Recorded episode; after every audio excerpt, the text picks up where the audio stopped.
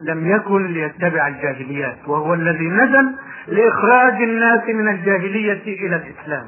خرج نزل ليخرج الناس من الظلمات إلى النور. فكيف يتبع الناس في خروجهم من النور إلى الظلمات؟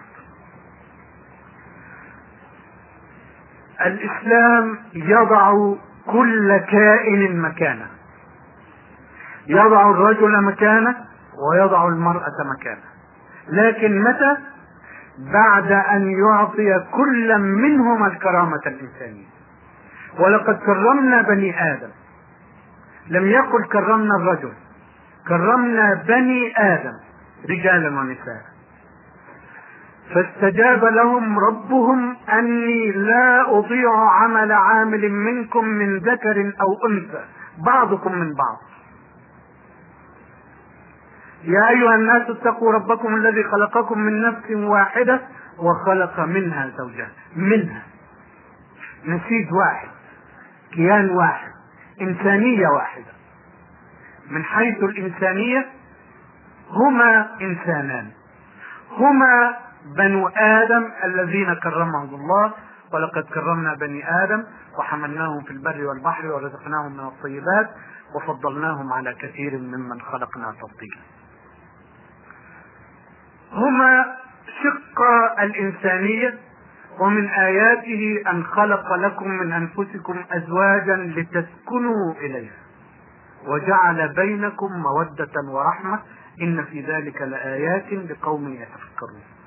حيث فقد البيت المجنون في الغرب أنسه ومشاعره والمودة والرحمة فيه لأنه أفسد التوازن بين الرجل والمرأة فالإسلام يقول ومن آياته ويلفت إليها النظر على أنها آية ربانية ومن آياته أن خلق لكم من أنفسكم أزواجا لتسكنوا إليها السكن السكينة التي فقدها الغرب. وجعل بينكم مودة ورحمة لا خصاما وصراعا كما يحدث في الغرب بين الرجل والمرأة. بعد هذا بعد تقرير هذا المبدأ وهو إنسانية الرجل وإنسانية المرأة على سواء واحد منشأ واحد ومصير واحد المؤمن والمؤمنة إلى الجنة جنة واحدة لا توجد جنة للرجال وجنة للنساء إنما هي جنة واحدة للمؤمنين المحسنين من الرجال والنساء ونار واحدة للكافرين من الرجال والنساء لا تمييز بعد تقرير هذا المبدأ يضع الإسلام كلا في مكانه. واستمعوا أو اقرأوا إلى شهادة رجل ليس مسلما. أليكسيس كارل طبيب فرنسي وعالم بيولوجي. كتب كتابا سماه L'homme, cet inconnu الإنسان ذلك المجهول. وهو كتاب مترجم.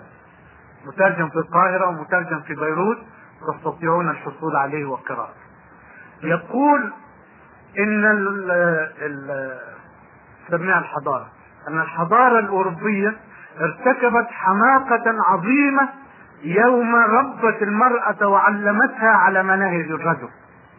إن المرأة كيان مختلف عن الرجل وليس الاختلاف هو في أعضاء الجنس كلا إن الاختلاف أوسع من ذلك جدا وأعمق من ذلك جدا إن كل خلية في جسم المرأة هي خلية أنثوية.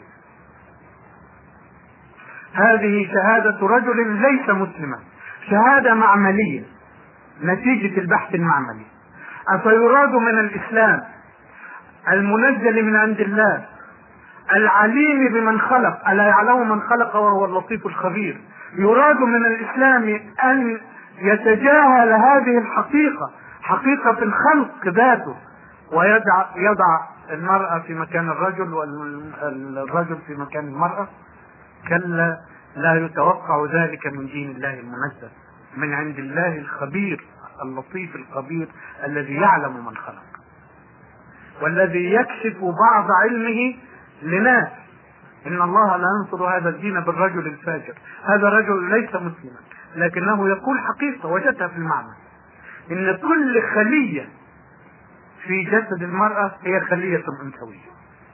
يقول أليكسيس كارل إن من الحماقة أن نخرج المرأة من بيتها ونزرع فيها شهوة المساواة مع الرجل. شهادة أخرى من امرأة ليست مسلمة أيضا. طبيبة نمساوية. تحكي عنها بنت الشاطئ الكاتبة المصرية. نشرت مقال تحت عنوان جنس ثالث في سبيله إلى الظهور. قالت إنها ذهبت إلى صديقتها الطبيبة النمساوية في يوم أحد لأنها تعلم أن هذا يوم عطلتها ذهبت لتزورها في منزلها ففوجئت بها في مطبخ المنزل وقالت لها أنت؟ أنت في المطبخ؟ قالت نعم وعن قصد إنني أريد أن أسترد شيئا من أنوثتي. فضحكت بنت الشاطر قالت لها لا تضحكي إنها قضية حيوية حقيقية إن الأبحاث المعملية أثبتت أن المرأة المعاصرة قد فقدت كثيرا من صدرها وحوضها. يعني الصدر ضمر والحوض ضمر اللي هي فيها وظائف الأمومة. لماذا؟ لأنها شحنت بمشاعر المساواة نحو الرجل. فأثر هذا التكوين العقلي أثر في جسمها فضمرت فيها وظائف الأمومة. والعلماء يخشون. ده كلام علمي حقيقي ليس للدعابة. العلماء يخشون أن يظهر غدا جنس ثالث لا هو رجل ولا هو امرأة. أفيراد من دين الله أن يتبع هذا الهوى وهذا الضلال وأن يبيح الجاهلية التي أدت إلى ذلك الفساد؟ كلا. إنما دين الله يضع بعد أن يسوي بين الرجل والمرأة في الكرامة الإنسانية يضع المرأة في مكانها والرجل في مكانه. ويضعهما في ذلك كل في مملكته على قدم سواء. يعني جعل للرجل طريقا يوصله إلى الجنة وللمرأة طريقا يوصله إلى الجنة. هذا الطريق يختلف في صورته عن ذلك الطريق لكنه يؤدي إلى نفس الغاية. فالرجل في رجولته وفي وظائفه الرجولية أو الرجالية هذا طريقه إلى الجنة. والمرأة في بيتها وفي وظائفها الأنثوية هذا طريقها إلى الجنة. يعني فرق بينهم في الوظيفة فرق بينهم في التكاليف وجعل كل منهما في داخل تكاليفه يصل إلى ذروته التي تؤهله للجنة. وذلك هو العدل الرباني. فلو كلف المرأة عمل الرجل وأفسدها لشقيت في الأرض كما تشقى المرأة الغربية اليوم ولشقي الرجل معها. ولو وضع الرجل مكانها لشقي وشقي. إنما يريد الله للانسانيه الخير يريد من كل منهما في مكانه وفي وظيفته أن يستمتع معا بالإنسانية الراقية الإنسانية التي خلقها الله في أحسن تقويم لقد خلقنا الإنسان في أحسن تقويم ثم رددناه أسفل سافلين. زي ما إحنا شايفين كده. إلا الذين آمنوا وعملوا الصالحات. الذين آمنوا وعملوا الصالحات. الذين ينفذون المنهج الرباني أولئك هم الذين في أحسن تقويم أولئك هم الذين يحسون بالسكن والسكينة بالمودة والرحمة وبالطمأنينة في الحياة الدنيا. وأولئك هم الذين يحسون بالضلال والضياع والحيرة والجنون والانتحار والأمراض النفسية والأمراض العصبية و ولدينا مزيد. كلما زادوا ضلالا زادهم الله فيما هم فيه. هذه هي القضية. أطلت فيها وأتعبتكم وأعتذر إليكم. إني كثيرا ما أنسى نفسي في الحديث لكن أرى الموضوع في ذهني يحتاج إلى شرح وبيان فأستغرق فيه وأنسى كم مرة مع الوقت. فأعتذر إليكم وأشكركم والسلام عليكم ورحمة الله وبركاته.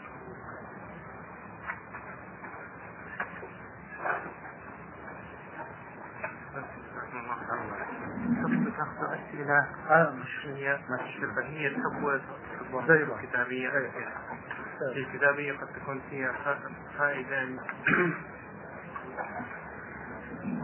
تفضلتم بالقول بأن الاختبارات المعملية أدت إلى إثبات تساوي مستويات الذكاء بين الذكور والإناث. فكيف لنا أن نوفق بين هذا القول وما معناه في قوله تعالى استشهدوا شاهدين. واستشهدوا آه، آه، شهيدين. فإن لم يكونا رجلين فرجل وامرأتان ممن ترضون من الشهداء. الناس بتخلط بين نسبة الذكاء وبين الكيان المتكامل اتجاهاته. آه اهتماماته آه العمل اللي يصلح له. مستوى الذكاء ليس هو الذي يشغلنا في الحياة إنما مزاجنا العصبي تكويننا النفسي تكويننا المتكامل هو الذي يضع لنا وظيفتنا. فالذكاء نسبة البشر في الذكاء المتوسطين هم الأغلبية وقلة دون المتوسط وقلة عبقرية. نفس الشيء موجود في النساء. لكن المسألة ليست الذكاء المسألة هي المزاج العصبي والعاطفي. خذوا مثل صغير جدا يحل لنا المسألة من غير كلام طويل. الفيونكة اللي في الحذاء هل هذه مسألة ذكاء؟ يعني إصرار المرأة على الزينة. إنها تعمل شريط أحمر في الحتة دي إنها تعمل كذا. هل هي هذه مسألة تكوين وجداني أم مسألة ذكاء؟ لماذا لا يلتفت الرجل إلى مثل هذه الأشياء كما تلتفت المرأة مع أنها الاثنين متساويين في الذكاء؟ لأن هنا كيان عاطفي ووجداني مختلف عن الكيان العقلاني للرجل. ثم إن اهتمامات المرأة غير اهتمامات الرجل. الرجل باحتكاكه بالمجتمع وبسياسة الأمور فيه هو أدرى بدوافع الناس وبالعلاقات من المرأة المشغولة بالامومه ومن هنا حددت الآية أن تضل إحداهما فتذكر إحداهما الأخرى. مش ضلال بنسبة الذكاء إنما ضلال الاهتمامات وضلال ضلال الوجدانات. يواجه الإنسان المسلم في الغرب هذا السؤال. كيف يتزوج الإنسان المسلم من امرأة لم يعرفها ولم يختلط معها ولم يعرف طباعها فما هو الرد عليه؟ الرد عليهم بسيط جدا. هم بيتزوجوا بعد خبرة كاملة بيقولوا هم ببقهم إنه خبرة حتى في درجة التجاوب الجنسي. يعني بيتجوزوا بعد ما يعرفوا عملية اللقاء الجنسي بينهم في تجاوب ولا ما فيش تجاوب. وبعدين نسبة الطلاق في أمريكا زادت عن 60% يعني كفاية ضغط الواقع أهم من النظريات. هي لما توضع القضية كده في وضعها النظري يبان فعلا إنه كيف يتم الزواج بلا معرفة. والزواج اللي بيتم بالمعرفة يبقى أثبت وأرسخ. لكن التجربة العملية تقول غير ذلك. التجربة العملية تقول إن الطلاق حطم البيت الغربي المبني على الزواج في معرفة وفي سآلة وبعدين الإسلام ما بيمنعش ابدا إنك أنت تعرف أخلاق خطيبتك. قريبة بتروح تجيب لك أخبار مش ضروري أنت بنفسك تروح وينشأ في نفسك وينشأ في نفسها شد وجذب وبعدين قد لا يتم الزواج لمصلحة من هذا. لكن لما بتروح أختك أو آه والدتك وبتجيب لك أخبار صحيح الأخبار دي مش 100% والإسلام ما بيقولكش خد منها هي. بعد كده بيقول لك اجلس إليها. بيقول لك شوف وجهها. حتى يؤدم الله بينكم. فالإسلام ما بيمنعش. بس مش على الطريق الفاجر الذي يتم في الغرب نفهم من كلامك أن اليهود هم الذي خططوا على مر هذه السنوات الطويلة لإفساد المجتمع وأغلبوا عن طريق المرأة. اولا ماذا كسبوا من ذلك؟ ثانيا هذا الفساد لا يعود كذلك على بناتهم وسيداتهم وزوجاتهم. هذا حقيقي. ماذا كسبوا من ذلك؟ كسبوا مؤقتا أنهم هم المسيطرون اليوم على مقدرات البشرية كلها اليهود هم الذين يديرون العالم كله الآن. هم الذين يعينون رئيس الولايات المتحدة. ولما جه رئيس مش عاجبهم قتلوه اللي هو كينيدي. وزملائهم اليهود الروس شالوا خرشوف لما ما عجبهمش. اليهود هم الذين يسيطرون اليوم على البشرية. لكنها فترة مؤقتة كما قالت الآية ضربت عليهم الذلة أينما ثقفوا إلا بحبل من الله وحبل من الله.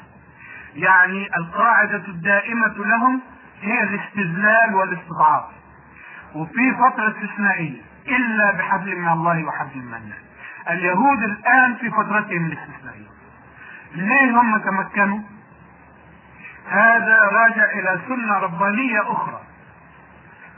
قل هو القادر على أن يبعث عليكم عذابا من فوقكم أو من تحت أرجلكم أو يلبسكم شيعا ويذيق بعضكم بأس بعض.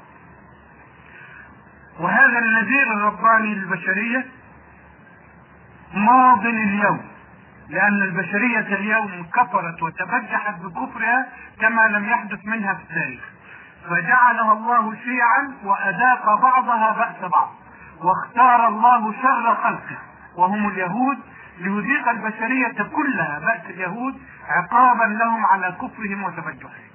إلى أن تعود الأمة المسلمة إلى إسلامها. إلى أن تعود فتأخذ دورها الذي أعدها الله له. كنتم خير أمة أخرجت للناس. وكذلك جعلناكم أمة وسطا لتكونوا شهداء على الناس. ويكون الرسول عليكم شهيدا. لأنه يجب أن تعلموا ذلك ما تمكن اليهود في الأرض وما تمكن النصارى من قبل إلا حين تخلى المسلمون عن إسلامهم وحين تخلوا عن دورهم. فيوم تعود الأمة المسلمة إلى إسلامها الحق سيعود اليهود إلى جحرهم. ضربت عليهم الذلة أينما تقف كونه بيعود على بناتهم أيوه بيعود على بناتهم. بنات اليهود فاسدات طبعا. لكن الفرق مؤقتا في هذه الفترة الاستثنائية أن اليهودية تفسد بهدف. لكن الأممية بتفسد من غير هدف كيف؟ اليهودية بتفسد عشان تأخذ أموال الأمميين وتعطيها لإسرائيل. لكن المسلمة والنصرانية بتفسد بس بالفساد. فمؤقتا اليهود اليوم لهم الغلبة إلى أن يعود المسلمون إلى دينهم فيغلب الله بهم في الأرض ويعود اليهود إلى ذلتهم. ما صحة هذا الحديث؟ المرأة ناقصة عقل ودين إذا كان صحيحا فما هو المقصود بذلك؟ ليس المقصود هو نسبة الذكاء إنما المقصود أن العواطف تلعب بها. فمن هنا جعلت للرجل القوامة في المجتمع المسلم. لأنه هو الذي يستطيع أن يقوم نفسه ويقومها على الطريق المستقيم لأنها حين تترك لنفسها يحدث ما حدث في أوروبا إذا كان صحيح إذا كان صحيح. إنه لا شك في أنوثة المرأة واختلاف تركيبها عن تركيب الرجل الجسماني لكن كيف يكون هذا موافقا لكون المرأة مخلوقة من ضلع الرجل؟ من ضلع الرجل اللي هو أبونا آدم. يعني هو ربنا مقيد إذا خلقها من ضلع آدم تطلع راجل؟ عملها من ضلع آدم وعمل لها تكوين خاص هل الحور الجيل الحور العين في الجنة هم نساء الدنيا أم إنهن خلق يخلقون يوم القيامة وإن كانوا كذلك فهل هذا دليل على أن النساء المؤمنات أكثر من الرجال في الدنيا؟ ليه؟ يعني الحسبة مش مظبوط. الحور العين فيما روي لنا في الأثر الصحيح خلق يخلقون. لكن النساء المؤمنات يعني مع أزواجهن يصبرون في الجنة. وبعدين مسائل الجنة يعني ربنا يوصلنا هناك إن شاء الله. ساعة ما توصل هتعرف الحقائق كلها. يعني الذين يطالبون برفع الحجاب يرون بأن آية الحجاب قد نزلت بخصوص أمهات المؤمنين فقط فكيف نرد عليه لو قال لي السائل على الخلاف في كشف وجه المرأة وكفيها كنت أقول له مسألة فيها خلاف.